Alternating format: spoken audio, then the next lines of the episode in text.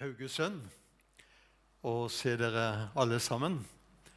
Dere må ikke klage på snøen, for vi har mange dobbelt i Grimstad.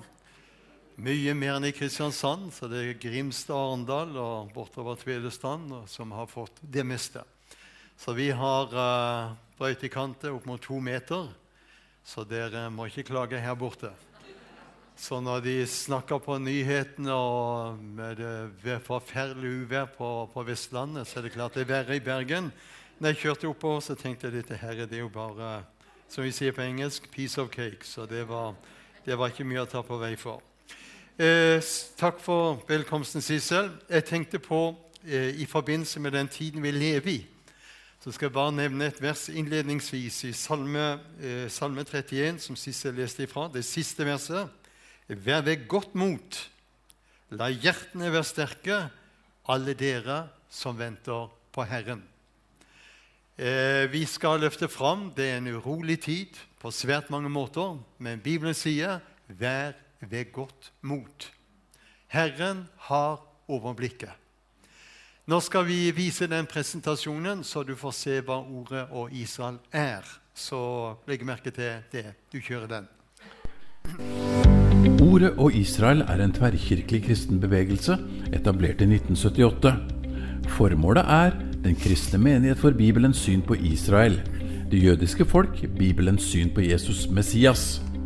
Gjennom lokallag over mesteparten av landet legges det opp til bibelhelger, møter og seminarer. Storsamlingen er det årlige sommerstevnet med flere hundre deltakere. Bibelundervisningen vektlegger Israels plass i Guds frelsesplan. Fortid, nåtid og framtid. Evangeliet, Jesu gjenkomst og Bibelens profetier er kjennetegn. I tillegg til aktuell orientering som fremmer forståelse og kjærlighet til landet og folket. Bevegelsen har tre forkynnere som reiser på landsbasis, samt et stort nettverk av forkynnere fra ulike kirkesamfunn som deler visjonen. Ordet og Israel støtter det jødiske folket ved å støtte messianske jøders arbeid og prosjekter. Et litteraturprosjekt, trykking av viktig kristen litteratur og bibler, diakonalt arbeid for mennesker som mangler det elementære, fattige studenter, immigranter og enslige forsørgere. De messianske jøder i Israel har nå fått et eget utdanningssenter. Israel College of the Bible. Her utrustes messianske jøder og kristne arabere til tjeneste. Et viktig og strategisk arbeid. Menigheten Beit Eliahu er i dag en av de største messianske menighetene i Israel. På gudstjenestene på sabbaten kommer unge og gamle sammen til fellesskap med hverandre og Gud. Gjennom uken er det mangfold av aktiviteter som sabbatskole, ungdomsgruppe, ukentlig bibelundervisning på tre forskjellige språk, besøkstjeneste, evangelisering og kvinnearbeid. I Jesu fødeby Betlehem finnes en voksende arabisk menighet, First Baptist Church. Deres frimodige bekjennelse og anerkjennelse av Israel er kostbar på flere måter, men gir resultater. Ordet og Israel er med og bidrar. Et eget blad presenterer det pågående arbeidet. Her er interessante artikler om Israel, profetiene, Bibelen og den aktuelle situasjonen i Midtøsten. På hjemmesiden finner du nyheter, artikler og nettbutikk. Ungdomsarbeidet Joffi satser på bibelkurs for ungdom i Israel og oppstart av lokale Joffi-grupper som samles til undervisning om Bibel og ulike temaer knyttet til Israel og det jødiske folk. Ordet og Israel vil inspirere kristne forsamlinger i temaet om Israel, profetiene og endetiden, samt være en kanal for omsorg til det jødiske folk, ikke minst å vise dem Jesus. Du er velkommen til å delta i vårt arbeid. Kontakt oss gjerne for besøk og informasjon. Vil du gi oss en gave, gjerne på VIPS 18 720.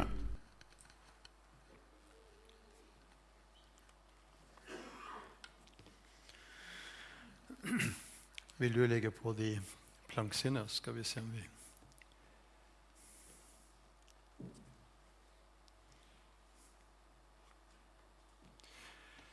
Vi eh,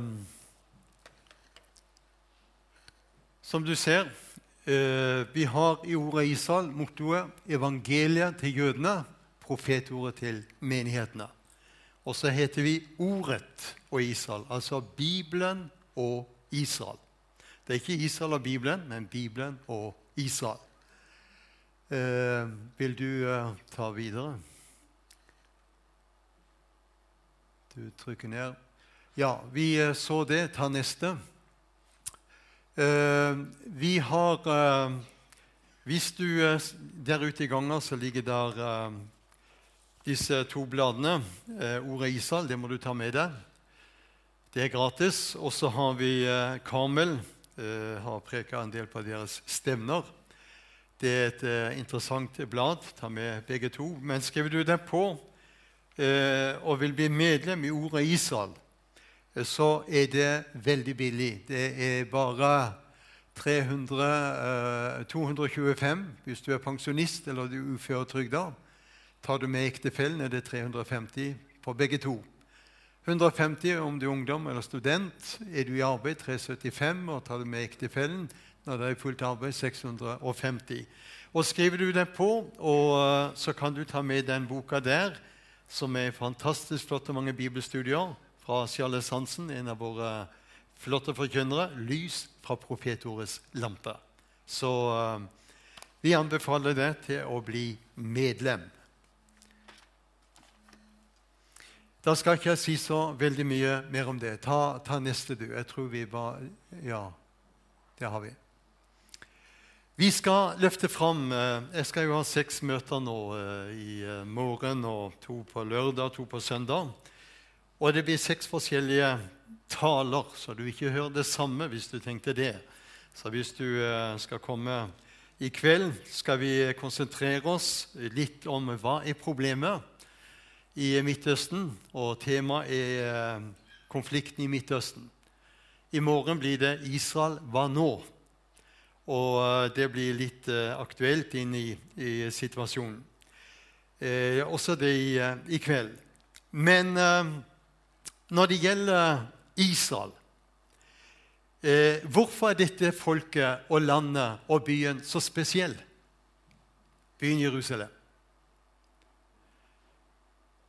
Vi skal se på det. Og da er det slik at det som gjør Israel veldig spesiell, det er Gud selv har utvalgt dette folket. Og han har gitt dem rike løfter. Og Nå skal jeg lese noen løfter for deg. Så hvis du slår opp nå i Første Mosebok, kapittel 12 Første Mosebok, kapittel 12 og vers 7 skal vi lese et vers fra kapittel 13 og et fra kapittel 15 og et fra kapittel 17. Konkrete løfter. Og før vi går inn på det, så ser du når det gjelder verden som du har her Og når jeg kjørte oppover i dag og hørte innimellom på nyhetene og hørte på, eh, på norske korrespondent. Han er jo muslim. En uh, grei kar, det. Han uh, nevnte om uh, situasjonen, som var jo veldig spent i forhold til Jemen. veldig spent når det gjelder Pakistan i Iran. han nevnte det er veldig spent i hele Midtøsten. Jeg skal komme mer inn på det. Og så sier hun hun uh, nyhetsankeren. Men uh, er det noen løsning? Vet du hva han sa? Ja. Hvis Israel kan slutte å krige i Gaza, da vil det bli fred over alt sammen. Vet du hva jeg sa? God damen økseskaft. Så lite skjønner de av den åndskampen som utspiller seg. Og Da er det viktig at du er klar over vi opplever det landet der, Amerika, har vært toneangivende og dominerende på mange måter. Amerika sliter i dag. De sliter i forhold til eh, en ledelse hvor de har en president som er kognitivt svekka. Det kan jo ikke ha noe for. Han er valgt, mye kunne sies om det. Men Amerika ikke hva det en gang var. Men eh, så har vi det landet der Kina. Eh, Napoleon han sa om Kina er sovende løve. Den dagen Kina våkner, vil verden skjelve. Jeg har vært i Kina. Jeg har hatt møter og undervist på Bibelskolen. Så jeg har møtt de kinesiske kristne. Jeg har opplevd hva som rører seg i, eh, i Kina på det åndelige planet. Og det som skjer i Kina på det åndelige planet, det er helt utrolig. Skarer blir frelst. Men har de det lett? Nei. Hvis du ser på det landet der, Iran Jeg har iranske pastorer både nede i uh, Iran og jeg har i Norge. Og vet du hva de sier når det gjelder Iran? 80% av Irans befolkning støtter Israel 100 Visste du det? Så sa jeg det var utrolig. Jeg har hørt at du tre av pastorene. Ja, har du noe du, Så sier han det. For um, tre måneder siden var det en stor fotballkamp i, i Teheran. Og I den fotballkampen så var det de to store lagene i Iran. De blå og de røde. Og i pausen da var 50 000, eller 70 000 var det vel, som var til stede. I pausen så begynte de å rope og synge 'Vi støtter Israel'. Kan du tenke deg? Er du klar over i Iran er det mange som er blitt frelst de senere årene? Har de det lett? Nei. Så når du tenker på det landet Kina, som gjør det vanskelig for de kristne, der går evangeliet fram. I uh, det landet der, Iran, går evangeliet fram. Når uh, det gjelder nabolandet Afghanistan, der er det mange som blir frelst. Sånn midt i forfølgelsene så går evangeliet fram. Så lenge solen skinner, skal hans navn skyte friske skudd. Hvorfor er det så urolig i Midtøsten? For de store endetidsbegivenhetene de er knytta til Midtøsten med Gog-krigen, med Hamageddonslaget. Og det vi ser utspille seg i dag i Midtøsten, hvor Israel er det store irritasjonsmomentet som hele verden i dag fordømmer, og det er ganske utrolig. Skal få greie på litt etter hvert. I første Mosebok kapittel 12 vers 7 der står det Da åpenbarte Herren seg for Abraham sa, Din ett vil jeg gi dette landet. Hvilket land? Israels land. Den gangen het det ikke Israel. Det heter Kanan. Israel er det navnet som kom etter at Jakob kjempet med Gud. Da fikk han navnet Israel. Han heter Jakob, men Israel. For du har kjempet med Gud. Så Israel betyr den som kjemper med Gud. Din ett vil jeg gi dette landet. Og han bygde det et alter for Herren, som åpenbarte seg for ham. Kapittel 13, vers 15. For hele det landet som du ser, til deg vil jeg gi det, og til din ett, sier han. For 100 år? Nei, der står ikke det. For alle tider, står det. For alle tider har Gud gitt dette området til jødene. Kapittel 15, eh, vers 18. Den dagen gjorde Herren en pakt med Abraham og sa:" Din ett har jeg gitt dette landet, fra Egypten selv like til den store elven, floden Frat. Skal du høre.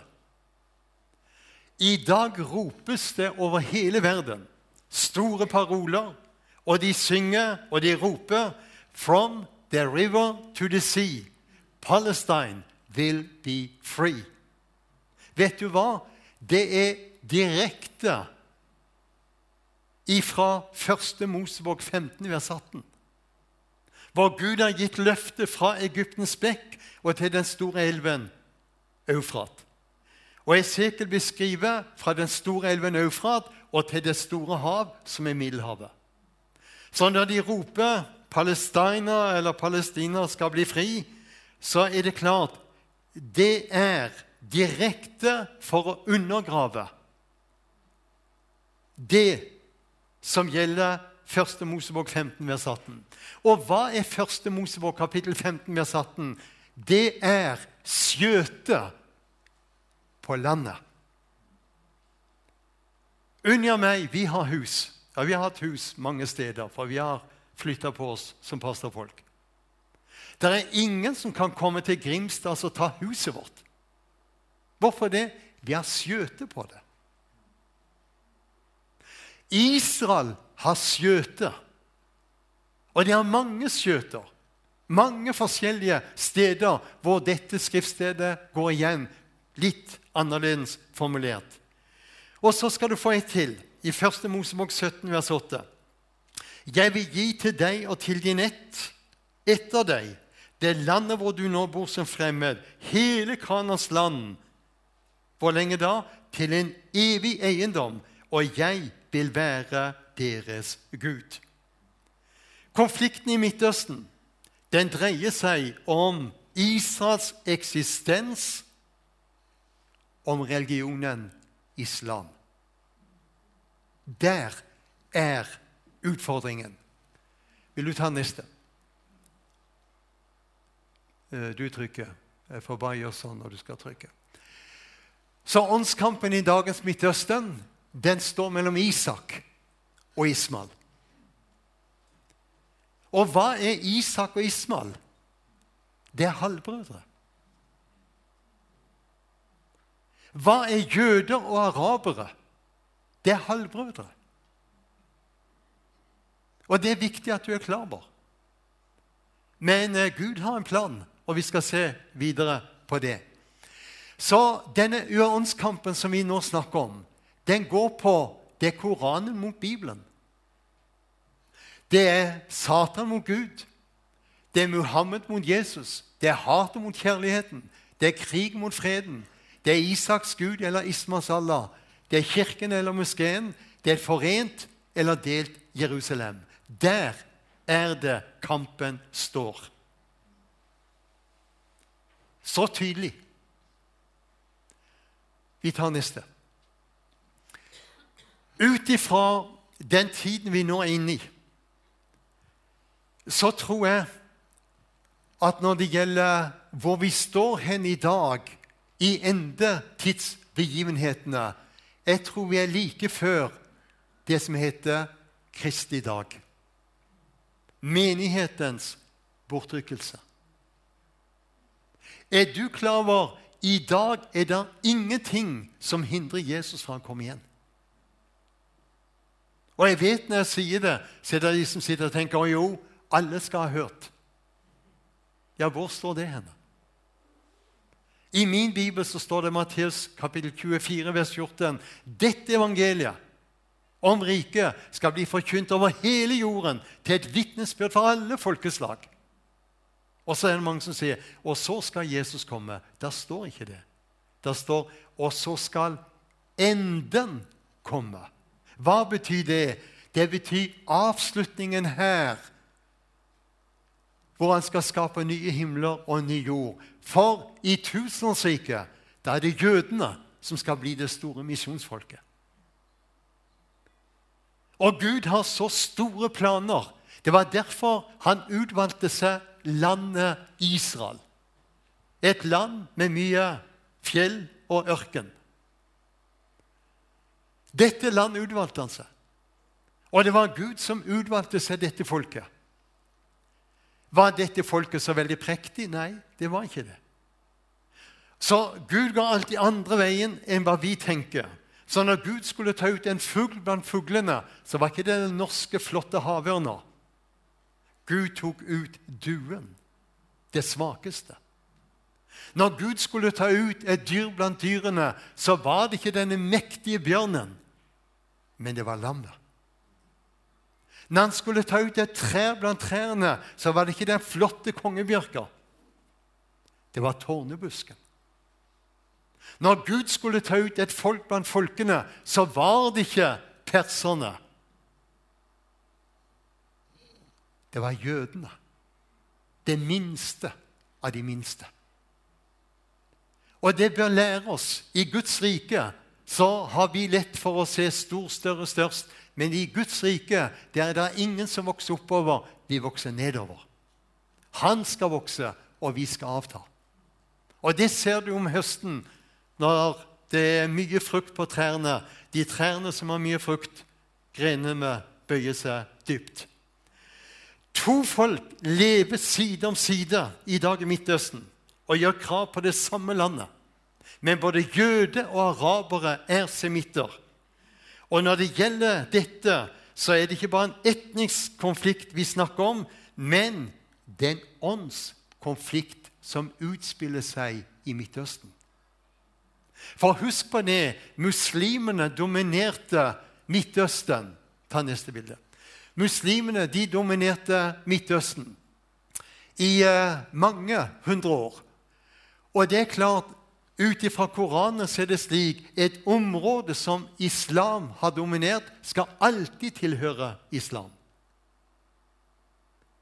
Men jødene skulle ut to ganger landet. Første gangen til Babel. Hvor lenge skulle de være der? I 70 år. Andre gangen var det Jesus talte om. Det var i år 70 etter Kristus. De ble spredt. Og så har jødene vært ute i diasporaen i nærmere 1900 år. Og i de 1900 årene har de klart å bevare sin identitet. Det er et under. Et mektig under. Jeg har, eller har, ja, vi har, en god del familie i Amerika. Men etter to-tre generasjoner så kan de ikke et, nesten et ord norsk. Når de skal imponere, så er det pølse og kompe og lefse. Det kan de. Er det noen som sier en jødisk amerikaner? Er det noen som sier en jødisk nordmann? Har du tenkt på det? Vi sier en norsk-amerikaner, en amerikansk jøde, en svensk jøde, en tysk jøde. Hvorfor det? En jøde er der er, der han har vært ute i diasporaen. Så er jødene kommet tilbake til landet. Og det interessante er at når eh, Israel ble proklamert den 14. Eh, mai i 1948 Det var endatil en fredag. Og når uh, David Ben-Gurion proklamerte staten Israel, så ble da lest dagen etterpå, den 15. Eh, mai i 1948, over hele verden, så ble det lest fra Amos, det niende kapittel. Og der i Amos, det niende kapittel, fra vers 11, så står det på den dag vil jeg reise opp Davids falne hytte. Jeg vil mure igjen dens revner og reise opp det som er nedbrutt av den. Jeg vil bygge den opp som i gamle dager. Og Så snakker han om hvordan de skulle dyrke og høste osv. Og, og så sier han i vers 14.: Jeg vil gjøre ende på mitt folk Israels fangenskap. De skal bygge opp igjen de ødelagte byene, bo der, plante vingårder, drikke deres vin, og de skal dyrke opp hager og ete deres frukt. Og så sier han i det siste verset.: Jeg vil plante dem i deres land. Legg merke til det. Gud sier 'deres land'. Og de skal aldri mer bli rykket opp av sitt land, det som jeg har gitt dem, sier Herren din Gud. Tenk, det ble lest over hele verden. I alle synagogene ble det proklamert. Det skriftstedet der. Så det at Israel, dette landet, ligger med 22 arabiske, muslimske land omkring seg så er Israel et hån mot den muslimske og islamske verden. Det er derfor de ønsker å få den bort. Men Israel er kommet tilbake for å bli. Og tre ting som jeg vil du skal være klar over. Det landet der Nå har Gud gitt rike løfter, så det landet Nå viser jeg ikke de plansjene i kveld. Men det landet skal egentlig ha grenser her fra Egyptens bekk og delta en god del av Jordan og Syria og Libanon. Det var løftene Gud ga til Abraham. Men Israel er det eneste landet du leser med i Bibelen hvor Gud sier 'Det er mitt land'. Folket som bor i dette landet, er den eneste du leser med i Bibelen hvor Gud sier 'Det er mitt folk'. Byen Jerusalem er den eneste byen du leser om over 811 ganger i Det gamle og Det nye testamentet, hvor Gud sier 'Det er min by'. Andre krønikerbok, kapittel 6, vers 6. Det er min by, sier han. Og når det gjelder landet, så sier han i, eh, i Tredje Mosebok understreker han at det er et land som Herren din Guds øyne hviler på, fra årets begynnelse til årets ende. Så vi skal være klar over den kampen som Israel i dag står i, en utrolig åndskamp. Dette kom til syne den 7. oktober. Og så er det mange som sier ja, men Israel ble jo tatt litt på senga den dagen. Ja, det kan du godt si, men de fleste er ikke klar over at den dagen Hamas satte inn angrepet, det var ikke en hvilken som helst dag. Den dagen het det Simka Tora. Simka Tora er avslutningen av løvhyttefesten. Den dagen er det fest over hele Israel, fra Golan og ned til Eilat. Og hvis du skal sammenligne den festdagen med Norge, så må det bli 17. mai. Tror du Norge bare hadde vært så forberedt på et angrep 17. mai? Jeg tror ikke det. Men at Hamas og Hizbollah er mektige, og houthiene i Jemen Hvorfor er de mektige? Iran har trenet og pushet på og forsyner dem med enorme mengder både økonomi og våpen. Og når vi da tenker på Norge, som har gitt titalls milliarder som skulle gå til skoler, som skulle gå til sykehus, som skulle gå til helsevesen, som skulle gå til veier, infrastruktur. Hvor er det blitt av? Israel har avdekket nå de enorme tunnelene. Tenk hva det har kosta. Så det Hamas har mer enn nok av, det var tunneler de bygde. Noen fasjonable. Og nok av ammunisjon og raketter. Det angrepet som kom den 7. oktober, var så fryktelig iscenesatt at det måtte være inspirert ifra det mørkeste mørket i avgrunnen.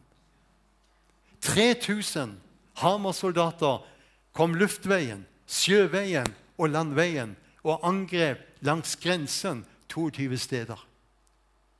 Og Grunnen til at de kunne angripe mange av disse stedene, det er at mange av disse det hadde vært arbeidere inne i Israel som hadde fotografert, hadde jobbet i Israel og hadde forsynt Hamas med god informasjon, og så slår de til.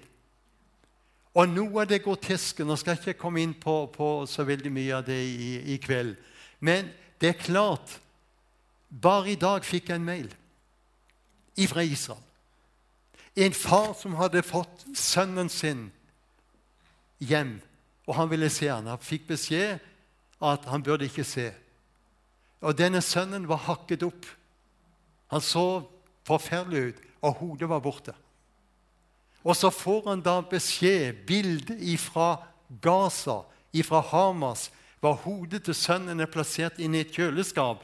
Og hvis far ville ha det hodet av sønnen, så måtte han ut med 10 000 dollar. Kan du tenke noe så barbarisk? Og hvordan kan mennesker for det angrepet som Israel opplevde 7. oktober, det Maken til angrep har aldri vært. Det var så fryktelig og så grusomt at det topper alt av, av historikk. Eh, ta litt videre. Jeg skulle ha styrt det sjøl. Så Israel trenger våre bønner og forbønner som aldri før. Og når jeg sier det, så det, må ikke du sitte og tenke som så Ja, han bryr seg ikke om folket på Gaza. Jeg skal si deg en ting. Vi sørger med alle, men i krig så er det mange uskyldige som går. Og jeg tror ikke på det antallet 24 000 som Hamas oppgir. Vet du hvorfor det? Når, fordi at i Gaza har du Hamas, og du har islams jihad. Og de har skutt opp raketter. Nærmere 2000 raketter har eksplodert inni Gaza og tatt livet av mange av deres egne. Det blir aldri nevnt. Og når det var en rakett fra Islams jihad som eksploderte ved dette sykehuset, så ble det sagt 500 er døde. Det var 40. Og når Hamas skal være sannhetsvitner Og hva er det Hamas sier? Vi tok ikke livet av en eneste uskyldig og sivil person den 7. oktober. Og så har Israel masse dokumentasjon av videoklipp fra disse eh, forferdelige eh, bildene som eh, Hamas sjøl tok opp med sine eh, mobiltelefoner. Så det er klart Når det sitter ei høygravid mor og far, og disse terroristene kommer, og hva gjør de? De spretter opp magen på mor, drar ut barna og binder faren og voldtar denne mora og far hyler det han kan, og dette lille barnet det putter de inn i stekeovnen. Hvem er det som kan gjøre slikt? Og det er klart, Når jeg ser da på vår statsminister, vår utenriksminister, ser på media i Norge Alt går fordømmelse av Israel. Ikke noe når det gjelder Hamas, som er årsaken til all det helvete som er i dag i Gaza. Og vet du hva? Det kom aldri fram. Men i dag i Gaza roper befolkningen 'Takk, Israel, at dere kommer og frir oss nå ifra det helvete og det fengselet og det mørket vi har vært i'. Vet du hva? Midt i dette så virker Gud. Den tredje uka i denne krigen så åpenbarte Jesus seg i Gaza. 200 mennesker sa de hadde sett Jesus. Kan du tenke deg? Og da skjønner du Vi tar neste. Her ser du i forhold dette terrorangrepet i forhold til folketallet og i forhold til de som ble drept, så er det verste angrepet siden holocaust. Men det har vært mange terroranslag i, i, eh, opp igjennom forskjellige steder, både i Madrid og i Amerika osv. Og, og land som har blitt rammet. Men her ser du den 7. oktober i fjor. Det topper absolutt alt av det terroranslaget. Og så kjører Norges media på hver eneste dag ikke noe balansert for å vise hvor de skulle ha satt inn støtet. De skulle ha vist hvor fryktelig Hamas er, hadde verden stått unisont og fordømt dette, så hadde vi aldri vært i den situasjonen vi er i dag. Men verden vil bedras. Vi ser løgnen, hvordan den får fotfeste. Hvor er Palestina? Hvem er palestinere? Det har aldri eksistert noe arabisk eh, land med navnet Palestina. Er du klar over det? Jerusalem har aldri vært hovedstad i noe arabisk land. Navnet Palestina på Israel eller jødelom forekommer ikke i grunnteksten, verken i Gammeltestamentet eller Nytestamentet. Men keiser Hadrian han ville utslette alt som var jødisk. Og han satte navnet Palestina på eh, dette området Eh, og eh, du kjenner til eh, selve ordet Palestina. Det var det også engelskmennene satte på. Men om du var jøde eller om du var araber, så ble det satt under det engelske mandatet palestiner.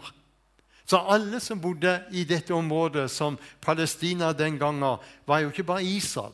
Det dekka Libanon, deler av Jordan og Syria.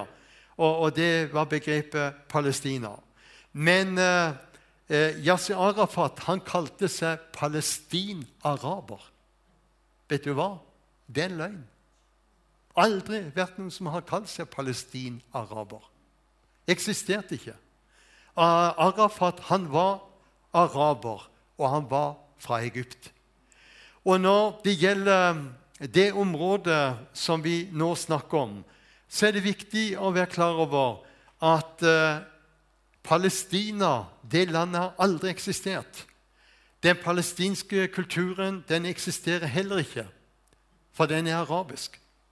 Har palestinaraberne noen egen religion? Nei, det er islam som er deres, og Allah er deres gud. Muhammed er deres store profet. Og når det gjelder arkeologer og historikere, så forteller de ingenting. Det er ingenting om Palestinas historie. Det fins ingen grenser eller spor etter et palestinsk rike. Fins det et palestinsk språk? Nei, de taler arabisk. Vestbredden, hva er det? Mange lurer på Vestbredden. Ta neste bilde. Vi får eh, gå, litt, eh, vi, uh, gå tilbake til Israel der. To, ett til. Ett til. Der. Vestbredden det ligger på vestsiden av Jordan, elven. Men eh, det er navnet på det området i Bibelen. Det er Judea og Samaria. Det du ser her, det er hjertet av Israel. Jeg skal vise hva Norge har vært med på. Vi kan gå videre. Netanyahu han er jo den lengstsittende statsministeren, og uh, han kan Bibelen. Uh, han er meget dyktig på, på, mange måter. Han står utrolig i en vanskelig situasjon i dag, så han trenger folkets forbønn. Og som en av de israelske pastorene sa, det er en mann vi beundrer. Vi skjønner ikke at han står oppreist, men vi vet grunnen til han står oppreist. Vi er mange som ber til Gud for ham. Og la oss fortsette med det. Han sier det. Bibelen er garantien for eksistensen og nøkkelen til landet vårt. Det er Bibelen. Og så understreker han uten Bibelen og den eldgamle linken til vårt land hadde jødiske nerver i Israel ingen betydning for oss. Nå håper han du får ta den eh, videre ned. Tidligere israelsk FN-ambassadør han var veldig tydelig. Når muslimene stadig talte og sa det at Israel har ingen rettigheter, da løftet han fram Bibelen. Og så sa han denne hellige bok, Bibelen, viser 3000 år av jødisk historie i Israel. Ingen, nei, ingen kan forandre deres historie. Det er tydelig tale. Ta det videre. Vi får stadig høre, jeg hører stadig Gordon, når du snakker med media, du snakker med ufrelste Du kan ikke bruke Bibelen, da. Så sier jeg det er det dummeste jeg har hørt. Nå ser du at Netanyahu bruker Bibelen. Men lederen i Iran, han sto på FNs talerstol han løfta Koranen fram og sa 'Koranen sier'. Da er det ingen som protesterer. Han mener at Koranen gir de løfter. Da er det liksom greit. Men når vi vil bruke Bibelen Nei, det passer ikke. Jo, jeg skal si deg en ting. La oss bruke Bibelen som aldri før. Ta neste. FNs generalsekretær han har vist side at han eh, fordømmer Israel meget sterkt. Han eh, talte her før jul. Så sa han alle vi på vei til helvete. Da tenkte jeg der tar du feil. Jeg kjenner mange som er på vei til himmelen. Men han så på verdens situasjon, han så på utviklingen i verden. Og da mente han at uh, vi var kommet langt, langt uh, Så en skikkelig dommedagspredikant. Vi tar veste. Ja, eh, dette er sønnen til Hamas. Israel er ikke problemet, men løsningen i Midtøsten, sa han. Han har, han har blitt frelst og må gjemme seg i dag. Han er veldig tydelig. Han eh, fordrer Israel til å slå hardt når det gjelder Hamas. Og tenk på Hamas. Vi kan gå litt videre. Eh, salme 83 er en salme som beskriver begivenhetene i det området der. Nevne landene veldig konkret. Og når vi leser Salme 83, hvis du tar neste bilde, så finner du navnene Edoms telt, Moab, Amon, Amalek, Filisterland, Tyrus, Gebal, Asur osv. Alle disse navnene går igjen. Edom det er fellesbetegnelsen på den arabiske verden. Moab Amon det er Lots etterkommere, eh, tilhører Jordan. Amalek det er fra den gamle tiden, eh, som har med Sur, ørken Sur og Egyptens land. Filisterland er de fem byene Gaza, Astod, Askalon, Gat og, og Ekon. Der som eh, ligger etter hverandre. Det var det gamle filisterland. Tyrus det er i dag det som er Libanon. Gebal er Syria. Og Asur det står for det gamle syriske riket, som innbefatter spesielt Irak og Iran, men også dagens Syria. Så det området som vi møter der, det er, beskriver Bibelen. Og i dette området så ser vi Gud har veldige planer. Men midt i det vi nå løfter fram, så må vi også si det er tragisk. Det er mye som er tragisk. Det er tragisk med Oslo-avtalene. Det er tragisk med alle FN-resolusjonene mot Israel, som Norge har vært med og stemt eh, mot Israel. Det er tragisk med NRK, som sprer ut så mye løgnpropaganda.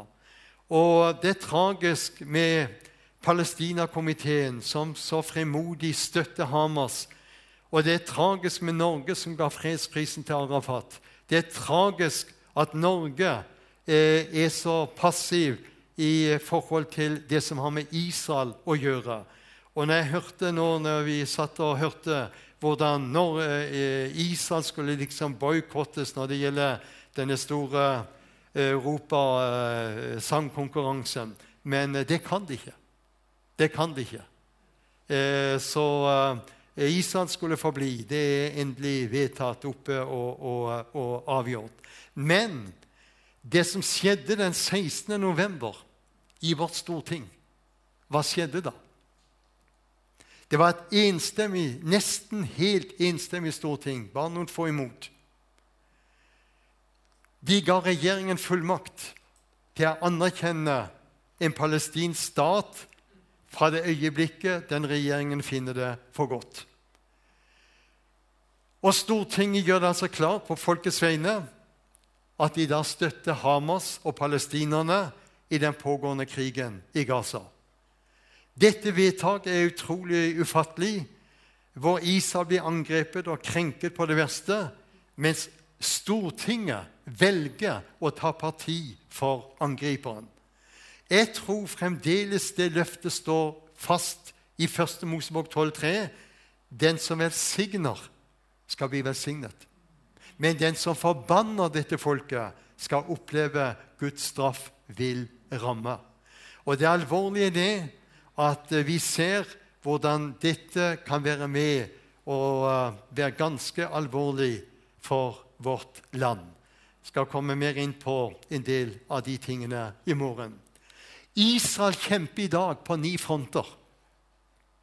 De kjemper i dag mot Hautien i Jemen. De kjemper i dag mot Iran og Irak.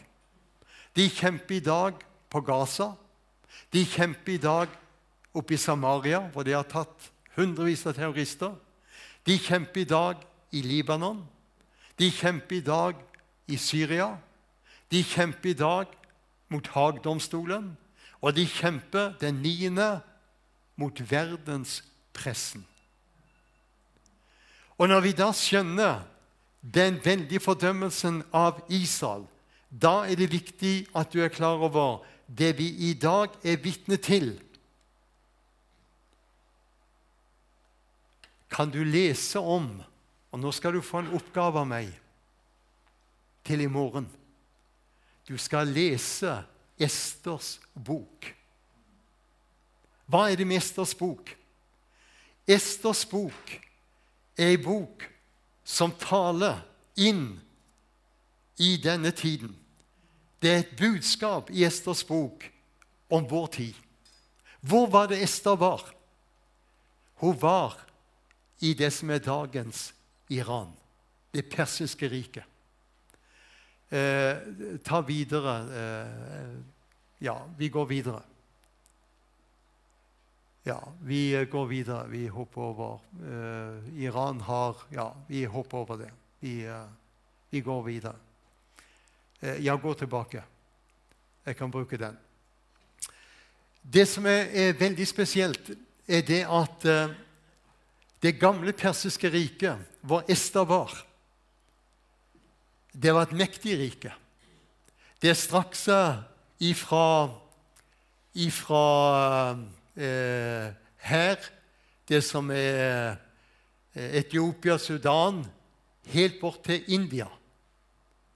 Et mektig rike som det gamle persiske riket. I, eh, du leser om i Esters bok, denne kongen Ahasverus. Og det interessante med Esters bok du møter Mordekai. Hva er Mordekai? Han var fosterfar til Ester. Hvem er Mordekai? Han er et bilde på Jesus. Haman er et bilde på Antikrist. Ester representerer både Israel og Guds menighet. Og denne dødsdommen som eh, Haman klarte å utstede Denne dødsdommen er et forbilde på endetidens forfølgelse av jødene. Det vi opplever i dag, hvor antisemittismen i dag er så verdensomspennende For meg viser det to ting. Den verdensomspennende antisemittismen som vi opplever i dag, den viser for det første Gog-krigen nærmer seg. Og det andre Antikrist gjør seg klar.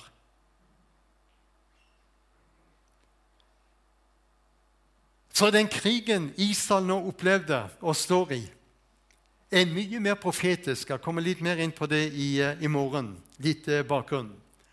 Men uh, dette med Ester og det som skjedde, var det at eh, når du leser Esters bok, så vær klar over det fjerde kapittel og uh, det 14. verset er nøkkelvers i Esters bok. Hva ble det sagt i Ester, det fjerde kapittelet, vers 14? Dette nøkkelverset. Der er det far, eller fosterfar, for eh, begge foreldrene til Ester de døde jo, så det var hennes onkel som overtok ansvaret for henne. Og han sier til henne, 'Hvis du tier stille i denne tid' så skal det nok komme utfrielse og redning for jødene fra et annet sted. Men du og din fars hus skal omkomme. Og hvem vet om det ikke er nettopp for en tid som denne at du er kommet til dronningverdighet. Og det er mektig å lese om Ester, hvordan hun uh, gikk inn for kongen, og hvordan hun uh, lager til denne festen og inviterer kongen og Haman. Og hvordan hun sier da i denne festen, hvor kongen er interessert, så sier han, 'Hva er det du ønsker, Ester? Om det så er halve kongeriket, så skal du få det.' Så svarer Ester, om det bare var sånn at vi skulle bli treller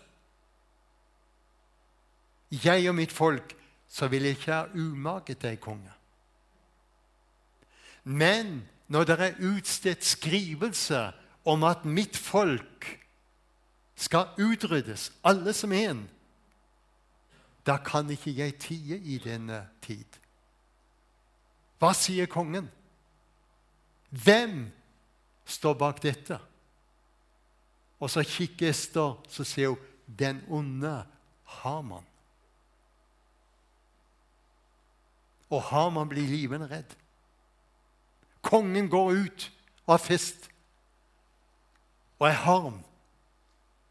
Og du vet Haman har ordna en galge, for han skal henge Mordekai. Han blir sjøl hengt i den galgen. Det som graver en grøft for andre, faller selv i den. Og ikke bare han, men i forbindelse med at det ble skrevet ut en ny skrivelse, hvor jødene, Mordekai, kommer til verdighet, overtar Hamas plass, så blir hele det jødiske folket som den gang var i det gamle Persia. Vi snakker om rundt tolv millioner jøder. Deres liv ble reddet pga. Ester. Gud hadde en ordning. Og da vil jeg si til deg Og jeg vet ikke om vi skal, vi skal ta noe til før jeg går videre. Jeg tar noen plankser til. Vi går videre. videre.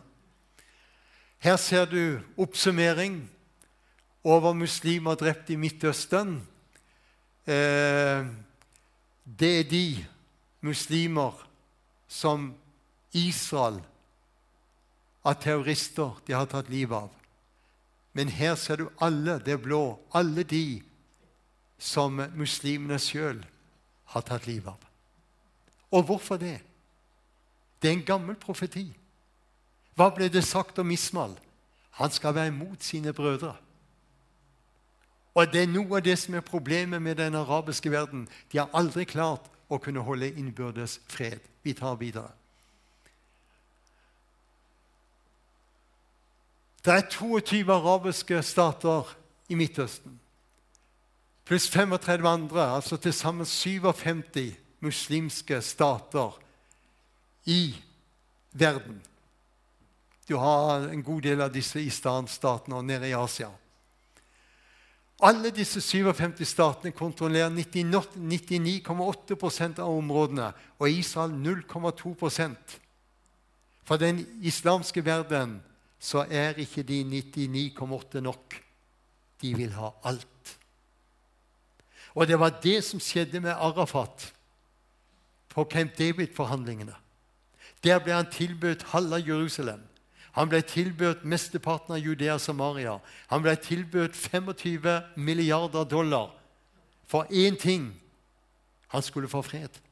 Skape fred og holde fred. Og så sier Arafat nei. Da husker jeg Kåre Willoch. Vet du hva han sa? Jeg fatter ikke at han kunne si nei til det. Og vet du hva jeg sa høyt? Jeg sa, 'Det skjønner jeg, Willoch', for Arafat ville ha alt. Og Det er noe av dette som eh, er viktig når du ser situasjonen. Men vi skal ta litt til. Ja, vi hopper over Jerusalem. Vi går videre. Her ser du hva Oslo-avtalen har ført til når det gjelder Samaria her og Judea. Med disse brune, lysebrune og mørkebrune flekkene. Det er A- og B-områdene. Dette er det Norge var med og forhandlet fram. Og hva står det i Joel? Forbannet være den som deler mitt land.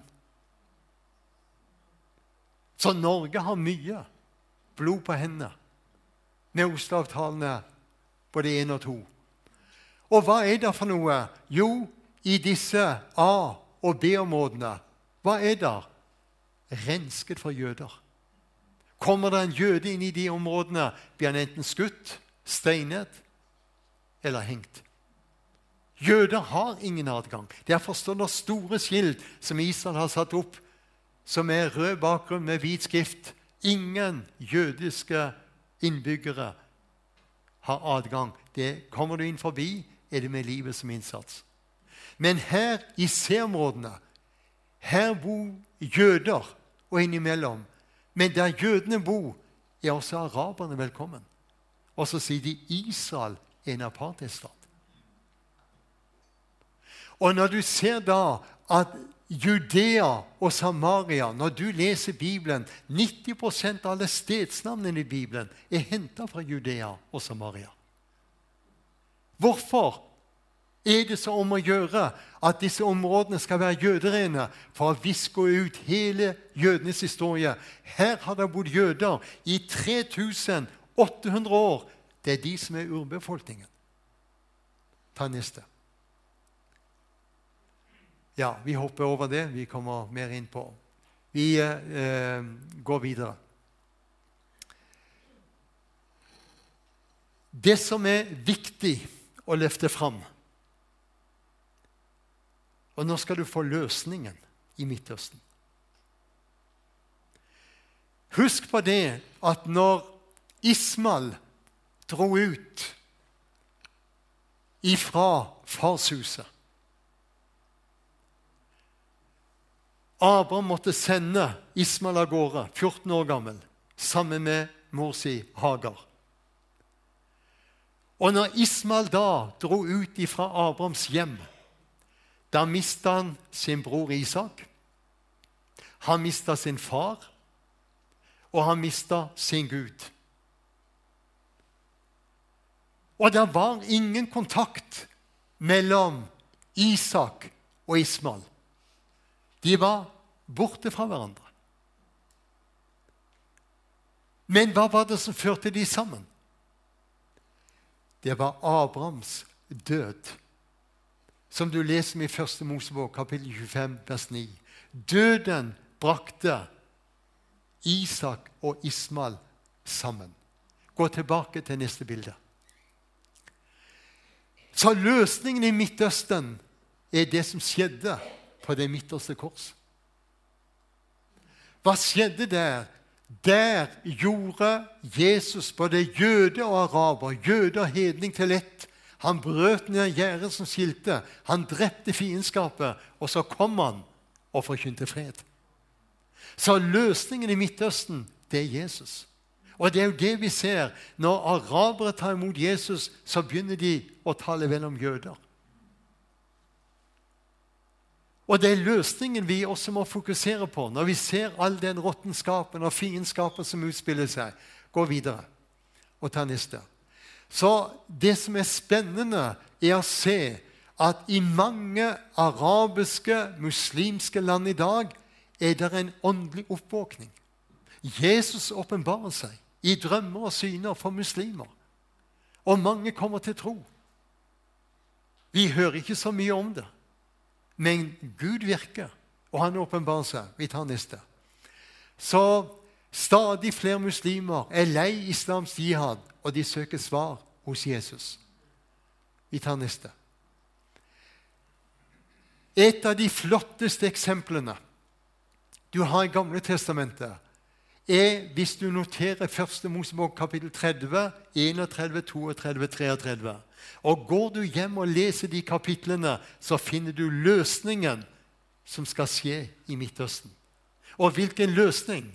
Jo, du kjenner Jakob lurte broren sin på første fødselsretten. Han måtte rømme.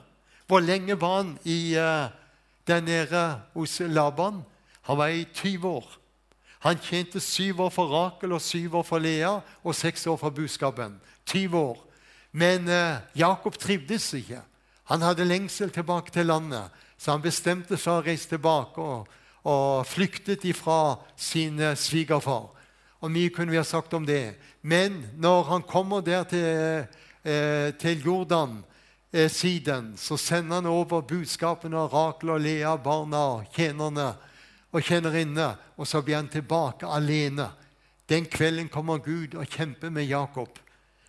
Og de kjemper hele natta. Og når morgenen gryr, så roper Jakob 'Jeg slipper deg ikke', sier han til Gud, 'før du velsigner meg'. Da tar Gud fatt i hofteskålen, vipper den ut av, av ledd på, på, på, Jakob, og så blir Jakob Han kommer inn i et avhengighetsforhold, og så sier Gud, 'Fra i dag av er du ikke lenger Jakob, du er en Israel', som jeg begynte med innledningsvis. Og så kjenner du til Jakob gir beskjed sender beskjed til sin bror er på vei. Og da må du huske på Esau hadde gått i 20 år og hata sin bror, og han samler 400 krigere. Og når han får øye på Eller Jakob får øye på Esau som kommer, så kaster Jakob seg ned den syvende gangen han ligger der på jorda og løfter blikket, så står broren rett foran ham. Å kaste seg ned som Jakob gjorde, det er en ydmyk handling. Det hatet og den bitterheten Esau sitter med, og var fylt av. Han blir smeltet. Så han springer bort, tar tak i båsen, reiser han opp og omfavner han. Og så står disse to brødrene og gråter og ber hverandre om tilgivelse. Og så står det 400 krigere rundt, klar til å skulle ta livet av alt det Jakob hadde. Og så ble det forsoning. Og hvorfor det? For Jakob møtte først forsoneren. Og det er det som skal skje den dagen dette folket tar imot Jesus. Så vær klar over jødene. Det er et stolt folk. Og jødene kommer ikke til å løfte hendene og rope halleluja. Den dagen står det i åpenbaringsboken 1 i første versene de skal gråte sårt over ham de er gjennomstunget. Så jødene skal omvende seg med nød og tårer og den dagen når de roper ut Jesaja 53 og de roper ut, men han er såret også for våre overtredelser. Han er knust også for våre misgjerninger. Han har betalt prisen også for våre synder. Og ved hans sår så er det legedom. For et øyeblikk. For et øyeblikk. Og det er noe av dette vi også må ha fokus på når vi løfter fram dette med Israel og Midtøsten. Det finnes en løsning. Og det er Jesus som er løsneren og løsningen for Midtøsten. Men hør det er han som er løsningen også for Ola og Kari Norman. Så la oss være fremodige i denne tid. Jeg tror vi lever i så høyprofetiske tider som du vil få mer forståelse av hvis du følger møtene. Derfor det er ikke tid til å sove. Det er tid til å være fullt våken.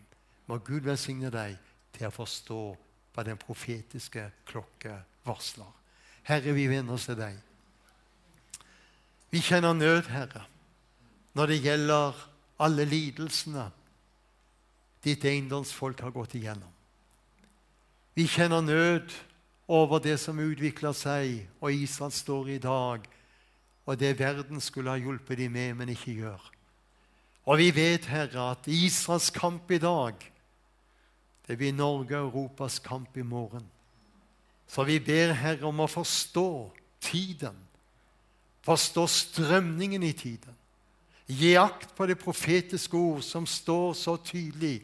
Og vi ber derfor, Herre, vi får hvile i dette. Du sover ikke. Du slumrer ikke, du som er Israels vokter. Takker du også av vår vokter. Så ber vi, Herre, at det må bli en ende på lidelsene der nede. At uh, du som er under, du må gjøre et under så Hamas blir knekt. Og igjen over Gaza kunne det bli en ny tid. Vi vet det ser menneskelig umulig ut, men der du kommer til, Herre, der blir det fred, der blir det løsning, der blir det forsoning, der blir det nåde, og der blir det hjelp. Velsign oss som er til stede her i denne kveldsstunden. Hjelp oss, Herre. Vi ser hvordan Norge løfter feil på løftestenen. Vi ser konsekvenser dette kommer til å ha for vårt land. Men vi ber derfor, si nåde også til Norge, Herre. Blås igjen med en vekkende tid over landet. Og vi ber fremodig i kveld. Du får bruke hva du vil. Du får bruke hvem du vil. Det får skje når du vil. Men vi trenger et væromslag ifra himmelen. Amen.